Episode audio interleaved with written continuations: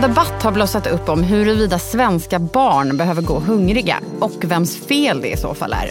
Men vart står partierna i den här frågan och vem vinner på att ämnet hamnar så högt upp på dagordningen? Det här är Älskade politik, podden där vi frossar i en av veckans mest omtalade politiska frågor. Idag om hungerdebatten.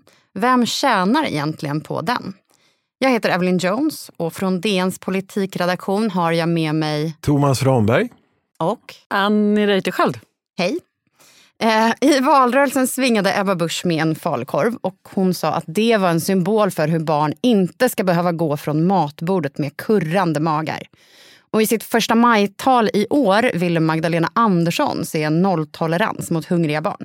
Därför att vi vill se en nolltolerans mot hungriga barn i Sverige. Och det här är den situationen som råder när hårt arbetande föräldrar ändå inte har råd att ställa näringsriktig mat på, på bordet till sina barn. Det är inte värdigt Sverige.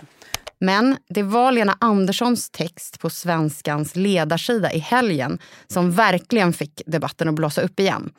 Hon skrev att om barn går hungriga i Sverige så är det föräldrarnas ansvar. Och så redogjorde hon för näringsinnehållet i några av våra billigaste varor. Och det fick snabbt starka reaktioner. Eftersom du är en intellektuell person, det blir nästan antiintellektuellt att vägra se sammanhanget som det här liksom skrivs i. Och varför är de hungriga då om de vet att havregryn är bra på morgonen? De har inte pengar till el, de har inte pengar till räkningar. De har pengar till havre. Att barn inte ska gå hungriga i Sverige verkar ju vara något som de flesta politiker är överens om. Men är det här en politisk fråga? Finns det liksom ideologiska skiljelinjer här? Det märktes ju direkt. Den som inte visste bättre skulle kunna tro att Svenskans ledarsida infiltrerats av någon sorts vänsterprovokatör här. För den här krönikan, den har ju som om den var på vänsterbeställning provocerat fram det som är den klassiska konflikten i politiken mellan höger och vänster, alltså synen på jämlikhet, synen på fördelningspolitik. Det är liksom själva definitionen av vad som är höger och vänster bortom alla kulturkrig och sånt. Och liksom, vad ligger till grund för den ideologin som kommer fram i den här krönikan då? Ja, alltså just vad Lena Andersson egentligen tycker, eh, det är ju lite svårt att säga ideologiskt. Eh, hon har ju liksom blivit en Andersson Fyralles här, men 80-talsliberalernas husgud i det här sammanhanget är Ayn Rand. Mm. What objectivism will tell you is that reason, man's reason is his basic means of survival. Margaret Thatcher är en annan. Hade de kommit upp ur gravarna nu hade de applåderat Anderssons text. Eh, utan att bli lång Ayn Randi nu, så är hon alltså en ideologisk förebild därför att hon ansåg att omfördelning från rika till fattiga, det var en slags stöld. Eh, hon motsatte sig den här välfärdsstaten där man fördelar. Hon, hon tyckte att det, det, finns liksom inget sånt som våra resurser att fördela. Utan det handlar om att ta då från enskildas eh, rättmätigt intjänade eh, tillgångar och förmögenheter och ge till andra som inte har strävat efter att få dem där. Eh, och, och, så det är som när Margaret Thatcher säger det här som citeras ibland. Eh, there, there, is no such thing as society. Alltså det finns bara individer och familjer som har ansvar för sig själva och det är genom dem politik görs. Let us never forget this fundamental truth. The state has no source of money other than the money people earn themselves. Och vad säger liksom icke-80-talsliberalerna eller vänstersidan? Det är också en definition av ja, vänstern. Uh, nej men, uh, alltså, re reaktionerna från vänster lät ju verkligen inte vänta på sig och det kan man ju förstå. Uh, det var säkert också på ett sätt meningen med texten eftersom man ändå Andersson vände sig mot en annan Andersson, alltså Magdalena, tidigare statsministern. Men det är begripligt varför så många från vänster hoppar på det här eh, eftersom man har haft ett ganska besvärligt med den här Galtan-debatten som har varit förhärskande under ganska många år som har rört sig runt migration och mer kultur. Krig är ju ett vanligt eh, ord som man använder, men värderingsskalan Eh, och det finns, eh, man märker att det finns ett sug att prata om ekonomi. Mm. Den, den kritik, den lilla kritik kanske man ska säga, som har funnits inom eh, Socialdemokraterna har ju handlat om att man inte har några reformer, man har inga ekonomiska förslag. Det är liksom brist på visioner. Och den har ju kommit från vänstern i partiet. Och även alltså Vänsterpartiet kommer ju, hakar ju på det här. Och så nu visar man då på något sätt man kritiserar det här att vi vill något annat. Ja, precis. Och, de, och dessutom så får man prata om solidaritet igen. Eh, och, och, det är ju också någonting som, det har vi nästan glömt bort nu, men Stefan Löfven blev ju ganska kritiserad för att eh, för det första inte prata om solidaritet alls de första åren, men sen kanske så började han öka användningen av det ordet, men inte i praktiken. Mm. För här finns ju också en diskussion som rör Eh, de svaga i samhället. Alltså, det är ingen som ifrågasätter att eh, alla förstår att havregryn och havregröt är billigt.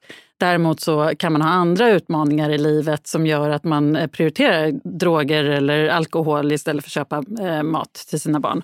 Och att man då ska ha solidaritet i samhället. Så det är ju en perfekt storm för vänsterpartierna. Att det då blir en debatt om skenande matpriser, då kan man säga att det gynnar liksom vänstersidan? Ja, det ser ju ut så nu, men man får ju lite se hur de hanterar den här frågan också. För att jag tror att eh, det finns verkligen en efterfrågan om verklig politik. Mm. Eh, jag såg att någon debattör bet tillbaka mot Morgan Johansson som hade hyllat eh, hennes text, Kristina Linkvist i, i, i DN och sa att du har inte gjort någonting åt det här på jättemånga år så du ska inte hålla på och lajka min text som är kritisk. Eh, så, så att det är inte helt eh, självklart men, men det är ju en öppen dörr att gå in genom. Och det är ju också så att Socialdemokraterna har ju eh, till slut hamnat i en situation där man helst av allt vill samarbeta med eh, Centerpartiet, eh, som det ser ut nu i alla fall. Och vi vet ju kanske alla vem eh, som mest har förfäktat Ayn Rand i svensk politik. Det är ju faktiskt Annie Lööf. Nu har ju hon slutat, men, men det är liksom en, en eh, svårighet mm. där att man vill samarbeta med ett parti som står så långt till höger i ekonomiska frågor. Uh, men och, och Thomas, eh, hur hanterar högern då att de hamnar i liksom fokus, skottlinjen i det här? Ja, det är rätt intressant för att eh, jag menar, de, de här så kallat nyliberala, det är ju delvis ett skällsord från vänstersidan, debattörerna och ledarskribenterna, de är ju jättenöjda. De, de har ju julafton nu och, och, tycker Andersson har uttryckt det så bra och så vidare. Äntligen säger någon ja, sanningen. Typ. Men det är ju dödstyst från de ledande i borgerliga partier. De vill inte ha den här debatten. De har blixtlås på munnen nu. De mm. Eh, vill bara att den ska dö så fort som möjligt. För det är som sagt en gåva till vänstersidan. Den är jag menar, jämlikhetsfrågan är mycket roligare än kulturkrig och kriminalitet och så vidare. Och så. Sen, sen eh, jag menar, till och med en tom plånbok väger liksom tyngre än en dragqueen när det väl kommer till val. Men högertaken på den här frågan ska man inte heller glömma. Det, alltså det är ju Eh, lite mer avancerat än att alla ska ansvara själva då bara för att se till att ens barn får havregryn. Utan det är ju den här lite större debatten som nästan alltid kommer upp i valkampanjer. Alltså eh, man brukar citera, man tillskriver en gammal sossefinansminister som heter Ernst Wigforss ett citat som går ut på att eh, armod kan tålas om det är en delad misär. Alltså fattigdom fördras bättre om den delas lika av alla. Det är liksom en karikatyrbild av vänstersidans synsätt att alla ska vara lika fattiga. Det är jämlikhet. Eh, och, och det där använder högerdebattörer för att visa upp att jämlikhetstänket det stryper det, det tillväxt, det stryper att samhället som helhet blir rikare och därmed dras även de längst ner med. Alltså de välståndsskapande krafterna pratar man om och då menar man människor som, som arbetar och strävar och därmed får högre inkomst och kan skapa sig ett liv och eh, företagare och sånt. Ja, men precis. Och jag är lite förvånad att ingen på högersidan eh, i politiken har klivit in i det här. För att jag såg att Andreas Johansson Heine från Timbro, eh, tankesmedjan, han, han sa eh, att det här har väckt eh, honom på något sätt. Han har kommit på varför han är höger igen. Att eh, det är inte staten som ska stå för allting. Allting är inte politik. Han ser ett samhälle där välgörenhet, kyrkor, andra aktörer hjälper till, att det också är ett tecken på ett solidariskt samhälle där man tar ansvar för andra men inte via staten. Så det är ju ändå en, en, en möjlig eh, eh, plats att ta också i politiken. Så de skulle kunna kliva in här mer än vad man gör från regeringshåll? Liksom. Ja, det skulle man. Men jag, men jag tror som eh, Thomas att det här har eh, inte ramats in på ett, eh, ett sätt som gagnar högersidan just nu i politiken. Och man har ju från Moderaternas håll till exempel redan blivit kritiserade internt från eh, MUF i Göteborg att man framstår som för hård och oempatisk och med det här stora fokuset på hårdare straff mm. och allting sånt så är det inte riktigt där man vill vara just nu.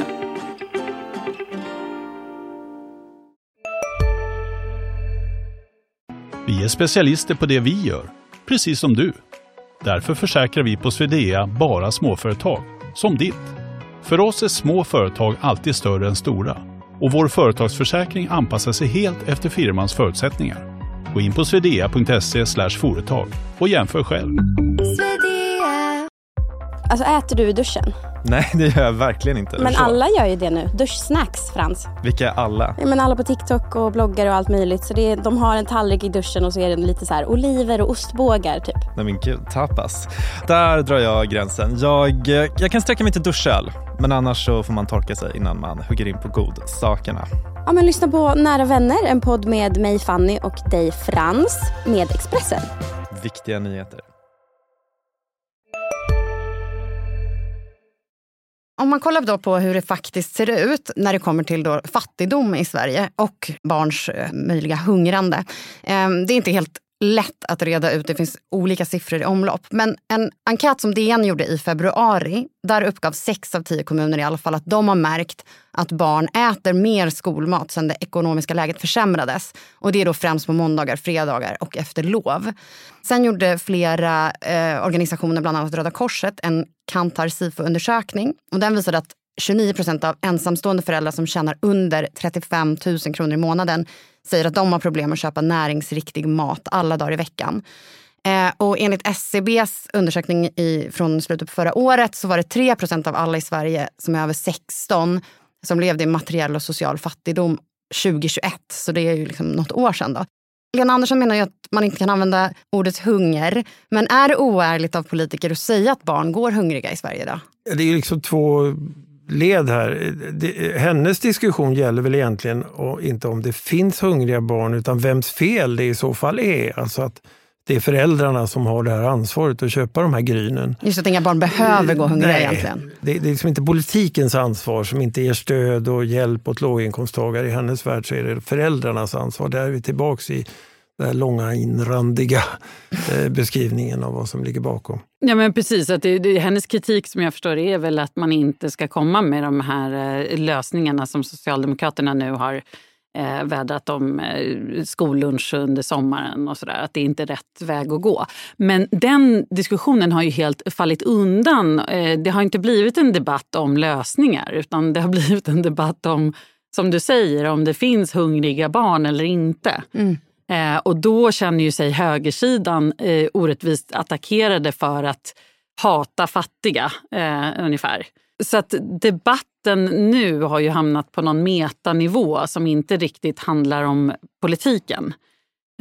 Men det finns ju mycket politik bakom. Mm. Om högersidan ändå tvingas in i den här debatten nu så blir det ju ändå ofrånkomligt en diskussion om Socialdemokraternas ansvar för att det finns familjer i Sverige som har så låg standard att de inte klarar en inflation, inte klarar en kris. Menar, det är ett parti som säger sig stå för jämlikhet och rättvisa som har styrt Sverige i åtta år. Så det, det, har de svårt att helt sväras fri från. Och sen är ju faktum att även deras motförslag nu, eh, de accepterar ju samma åsiktskorridor, ekonomiska åsiktskorridor som regeringen gör. Alltså att inflationspolitiken eh, sätter en massa restriktioner man inte kan gå utanför. De är eniga om att man ska inte blåsa på folks köpkraft. Mm. Eh, så att det, det de föreslår till skillnad från regeringen är ganska marginellt. Det är ett tillfälligt barnbidrag, de vill ha skolluncher på sommarlovet och för de som behöver såna aktiviteter. De vill ha tillfälligt höjt underhållsstöd. Sånt kan vara viktigt för enskilda men det är ju inte liksom väsensskilt från regeringens ekonomisk politik. Och det, det är inte särskilt vänster heller. Det påminner snarare som någon sorts liberal understödsidé. Sådär. De kommer att bli svaret skyldiga också om debatten fortsätter. Ja, och det finns ju mycket... Eh, det är många som lyfter det här att det har varit i princip ett andligt socialdemokratiskt styre i hundra år. Eh, men om man tittar på vad Alliansen gjorde med arbetslinjen så gick ju det ändå ut på att öka skillnaderna mellan de som jobbar och de som inte gör det. Bland annat genom att inte eh, ge jobbskatteavdrag till arbetslösa och med eh, sjukersättning och sådär. Och det har ju inte Socialdemokraterna rullat tillbaka i någon högre grad. Så, att, så att här har vi ju ett problem för alla att, vi, att, att eh, båda sidorna har triangulerat under många år och alltså försökt närma sig varandra så pass mycket att det, det, Alla tycker lite likadant. Typ. Ja, och, och, det är svårt att säga vems ansvar det är. Men sen så är det ju en djupare ideologisk skillnad i om man tycker att ett samhälle ska eh, ha vissa inkomstklyftor, om det är bra. Det kan man ju tycka från högersidan att det är någonting som eh, driver på både tillväxt och eh, att, att människor får det bättre överlag. Men då eh, från eh, vänster så ser man ju att eh, det är ofta då väldigt förenklat, men att det är skadligt med för stora inkomstklyftor. Så här har vi verkligen hamnat i en klassisk höger-vänster-debatt. Och det som får socialdemokratiska strateger att mysa riktigt nu, det är ju att här har man då en möjlighet att säga, titta, Sverigedemokraterna står på de rika sida. Det är liksom ett grepp man har försökt ta länge, men så länge Sverigedemokraterna inte har varit bundna till en regering har det inte funkat, för de har framstått som någon sorts folkligt uppror mot eliten i alla frågor. Sådär, va? Men här kan man då försöka nita dem. Ja, okej, eh, de säger att de behåller a-kassan, men inflationen har gjort sitt den här mandatperioden så är a-kassan värd flera hundra mindre om dagen. Barnbidraget också. Eh, de vill införa bidragstak, det är flyktingpengar, alla möjliga pengar liksom minskar i värde och de står bakom. De är inte bara odemokratiska, de är också på de rika sida och så vidare. Så att det där är, man vädrar liksom morgonluft här nu på partikansliet på Sveavägen 68 i Stockholm där sossarna sitter. Men om man sammanfattar bara, så här, eh, som, det, det, är svårt att säga vem som har ansvaret för det här. Men om man ändå kollar så var det ju i valrörelsen så var det ju Ebba Busch framförallt som pratade, eller kanske inte framförallt, men hon var en av dem som pratade om att barn ska inte behöva gå kurran, med kurrande maga från eh, köksbordet. Eh, och det var ju då i attack mot den sittande regeringen. Du kan få häckla den där falukorven bäst du vill. Jag har rest runt med den i hela landet. Men den är symbolen för ett Sverige där familjer har tid för varandra. Och idag är det då Magdalena Andersson som istället säger att eh, vi ska ha nolltolerans för det här. Och i partiledardebatten var det ju från alla möjliga håll den här frågan kom upp. Men liksom, vad, är det här någonting som man, som man kastar på den som sitter vid makten nu? Eller vad, varför skiftar det? Ja, men lite så är det ju. Men det är ju också en fråga om vad för slags stöd som anses vara okej och inte. Nu har vi en massa elstöd, det finns prat om subventioner för bränslepriser. Där har vi inte sett eh, någon vidare kritik mot att liksom, kör mindre eh, så får du lägre bränslepriser eller kör, kör smartare. Um, så att, så att det är ju också en sån dimension. Um, och det var väl också en av eh, de sakerna som Ebba Busch tog upp med det här med kurrande magar. Att det kan man avhjälpa med hjälp av att hjälpa folk betala räkningar, det vill säga elstöd eller bensinpriser. Ja, allt hänger ju ihop och det är det som kritiken mot eh, Lena Andersson också nu eh, mycket består i. Mm. Eh, men de som det blir kanske krångligast för i, det här, i den här debatten är ju Sverigedemokraterna. Hur ska de ställa sig i den här frågan? De är störst bland arbetslösa väljare till exempel. Det här är inte en helt eh, enkel fråga för dem att navigera och eh, man är heller inte jätteintresserad av en sån ekonomisk debatt där Moderaterna till exempel har högre förtroende eh, överlag och även Socialdemokraterna. Mm, och där man sitter lite i en rävsax där man har lovat mycket, a-kassa till exempel. Men där den nivån håller på att ätas upp av inflationen. Mm. Så att, jag skulle säga att Sverigedemokraterna nästan har svårast med det här läget. Eller vad säger du, Egentligen Thomas? alla partier utom M och S. Skulle jag, alltså de, det är de som gillar de vill tillbaka till de här frågorna. Mm. Alltså Moderaterna vinner så att säga på sin sida. Eh, de, att, att få prata ekonomi igen. Och Socialdemokraterna, kanske möjligen Vänsterpartiet, men i huvudsak Socialdemokraterna på andra sidan. Så att jag tror att det är, Moderaterna välkomnar att debatten är på den här bogen. Ja, det är roligt att de på något sätt har sökt med ljus och lykta efter en sakpolitisk eh, debatt eller en sakpolitisk ja. eh, kontrast mot eh, Socialdemokraterna. Och så är det Lena Andersson som, som, som, hittar den. Ja. Sen är det ju otroligt svårt att regera då när folk får det sämre och vinna på det. Men, men man hoppas väl att det ska vända. Ja, men och det är ju att Sverige är i en dålig liksom, ekonomisk situation med inflation och matpriser som har höjts jättemycket under det senaste året. Eh, vad, vad säger då prognoserna om Sveriges ekonomiska framtid, Thomas? Ja, eh, alltså både löntagare och arbetslösa har ju redan förlorat och fortsätter att förlora köpkraft på ett sätt som man inte har upplevt flera decennier. Lönernas värde har nu eh, kastats tillbaks ungefär tio år. Mm. Och det är många tusenlappar i, i praktiken. Så att, om man nu ska tro prognoser, de är ju aldrig riktigt rätt, men det är de vi har att jobba med nu. Ja, så säger de att det tar hela 20-talet innan vi har tagit igen det där tappet. Så det är så inte att, innan nästa val? Nej, alltså det troliga är ju att vi för första gången på nästan 30 år då går igenom en mandatperiod där väljarnas inkomster sjunker mellan de här två valen. Och det är ju liksom en utmaning. Mm, och om man utgår då från tidigare erfarenheter och prognoser och så, vad betyder det i ett val att väljarna är fattigare? Ja, det, det är snudd på omöjligt för en regering att bli återvald om väljarna har gått på sådana där stora ekonomiska smällar. Alltså det gick åt pipan för de borgerliga på 90-talet efter den krisen. Eh, sen kom Göran Persson, då, Socialdemokraterna, han klarade det med en hårsmål 98, men det var inte för att han vann något. Han förlorade massor, men han hade tur. De missnöjda gick till Vänsterpartiet och Gudrun Schyman fick 12 procent och då kunde han ändå regera vidare. Så att, men, men det kan också vara precis tvärtom här nu. Och, och, låt säga att Moderaterna får en debatt om det här de gillar. Det vänder uppåt i god tid före valet 26. Eh, regeringen sänker skatter för många löntagare och pensionärer. Den ekonomiska optimismen kommer tillbaka. Folk börjar känna att det här går åt rätt håll igen. Det blir fred i Ukraina.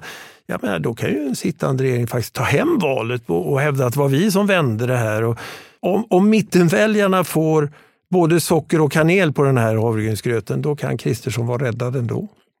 Den här debatten har ju ändå också väckt eh, en, eh, en, en gammal eh, träta eller vad man ska säga mellan höger och vänster och det är ju den här eh, uppfostrings eh, attityden som Lena Andersson ändå visar i sin text. Att eh, nu ska jag berätta för er om, om eh, var det finns billig mat och hur man kan laga billig mat. När de här plånboksfrågorna blir viktigare och viktigare så kanske den debatten förstärks. Eh, det var inte så länge sedan som Johan Persson eh, twittrade om att det inte ska vara lika fett att vara arbetslös. Men det där går ju tillbaka långt eh, i en borgerlig retorik som retar gallfeber på vänstern. Så mm. det där kan man ju tänka sig att det kanske blossar upp ännu mer. MUF hade en, ett förslag till exempel för några år sedan om försörjningsstöd. Att man istället för det skulle få checkar och kunna byta ut mot mat eller hyra och sådär. Och då det eh, motiverade eh, Benjamin Dosa som då var ordförande med att det är dit stödet ska gå, inte till lyxkonsumtion.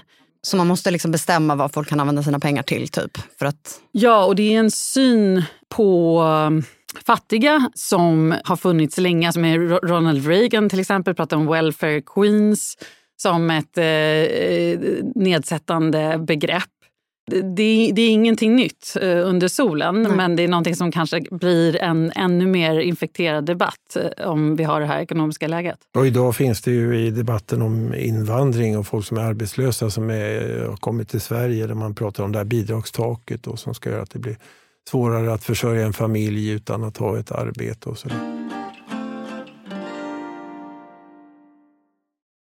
Nu är vi inne på övertid, delen där ni får en sista chans att få in någonting som ni kanske missade i avsnittet. Och Thomas, Ayn Rand var en mångbottnad kvinna, eller hur?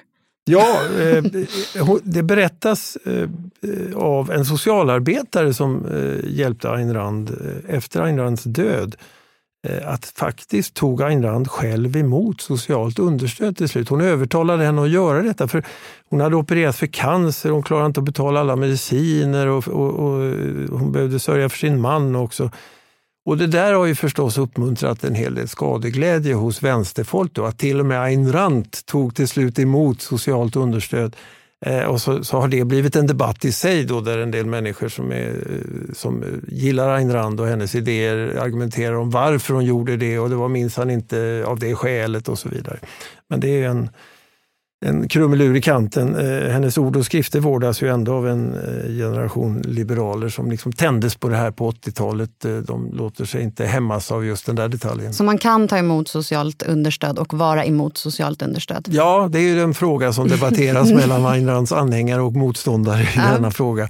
Det är, alltså det är väl den klassiska frågan. Vad, de som gillar Bertolt Brecht, blir de mindre intresserade av hans pjäser för att han var jättetaskig mot kvinnor? Och så, ja, ni vet, personen och verket. Mm. Ja, men det blir, jag tror alla går igång på den här debatten på, på grund av att det blir de här klassiska skiljelinjerna mellan höger och vänster som eh, man inte har debatterat på länge. Lika mycket då som vänstern känner att okej, okay, nu visar högern hur, hur mycket de ser ner på fattiga så känner ju högern att ja, men precis, det här är problemet med svensk socialism och, och, den hegemoni som har eh, funnits eh, under så många år. Att man tror att staten och politiken ska ordna allting och det totala bristen på eget ansvar. Mm. Så det är liksom, på det sättet är det ju två eh, sidor av myntet som båda vill använda och eh, föra upp i debatten. Vad heter Reinfeldts bok? Det sovande folket. Alltså innan han blev eh, framgångsrik politiker. Ja, han var väl framgångsrik, han var ju MUF-ledare. Men den går ju ungefär ut på det, att vi är passiviserade av välfärdssystemen. Men okej, okay, så eh, om det här kommer fortsätta debatteras, vänstern kommer fortsätta debattera högern och vi kommer fortsätta diskutera både vänstern och högern nästa vecka. Tack så mycket Thomas Ramberg. Tack så mycket. Och tack Annie Reuterskiöld. Tack. Du har lyssnat på Älskade politik. Vi släpper nya avsnitt varje onsdag. Följ gärna oss så missar du inte dem. Producent var Viktor Aldén. Klippning och musik gjordes av Patricio Samuelsson. Klippen kommer från SVT, TikTok, Youtube och TV4. Och ansvarig utgivare för Dagens Nyheter är Peter Wolodarski.